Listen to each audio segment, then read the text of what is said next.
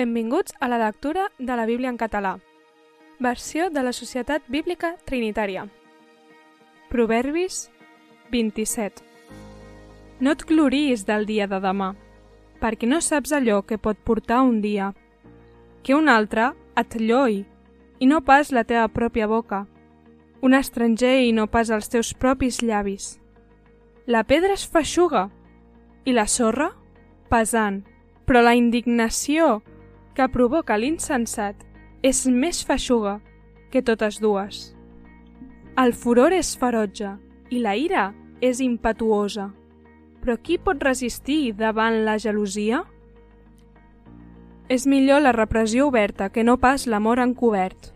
Fidels són les ferides del qui estima, però són excessius els petons dels qui odia. L'ànima satisfeta trepitja la bresca, però per a l'ànima afamada és dolç tot allò amarg. Com l'ocell que fuig del seu niu, així és l'home que fuig del seu lloc. L'oli i l'incens alegren el cor, i la tendresa d'un amic l'encoratja amb el seu consell cordial. No abandonis el teu amic, ni l'amic del teu pare. No entres a casa del teu germà en el dia de la teva calamitat. És millor un amic a prop que no pas un germà lluny.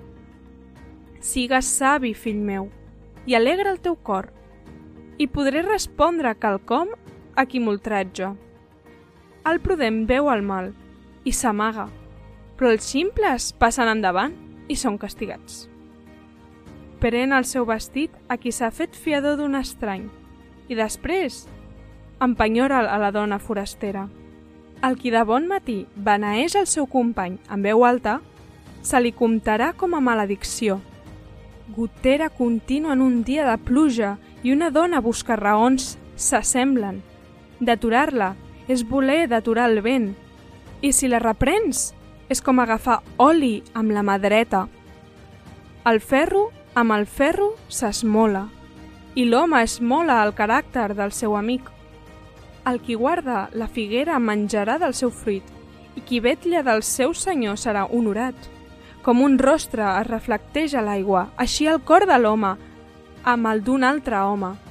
L'infern i la destrucció mai no estan satisfets, i els ulls dels homes tampoc no estan satisfets. El gresol per a la plata i el forn per a l'or, i l'home per a la boca del qui el lloa. Ni que piquessis amb el picamà l'insensat entre els grans dins del morter, la seva insensatesa no s'apartarà d'ell. Preocupa't de l'aspecte de les teves orelles.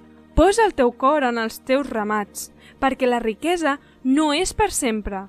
I pot durar una diadema de generació en generació? Surt l'herba, i apareix l'herba tendra, i recullen les plantes de les muntanyes. Hi haurà anyells per als teus vestits, i bocs per pagar el preu del camp, i la llet de cabra en abundància per al teu aliment per l'aliment de casa teva i per al manteniment de les teves serventes. Gràcies per escoltar amb nosaltres la lectura de la Bíblia.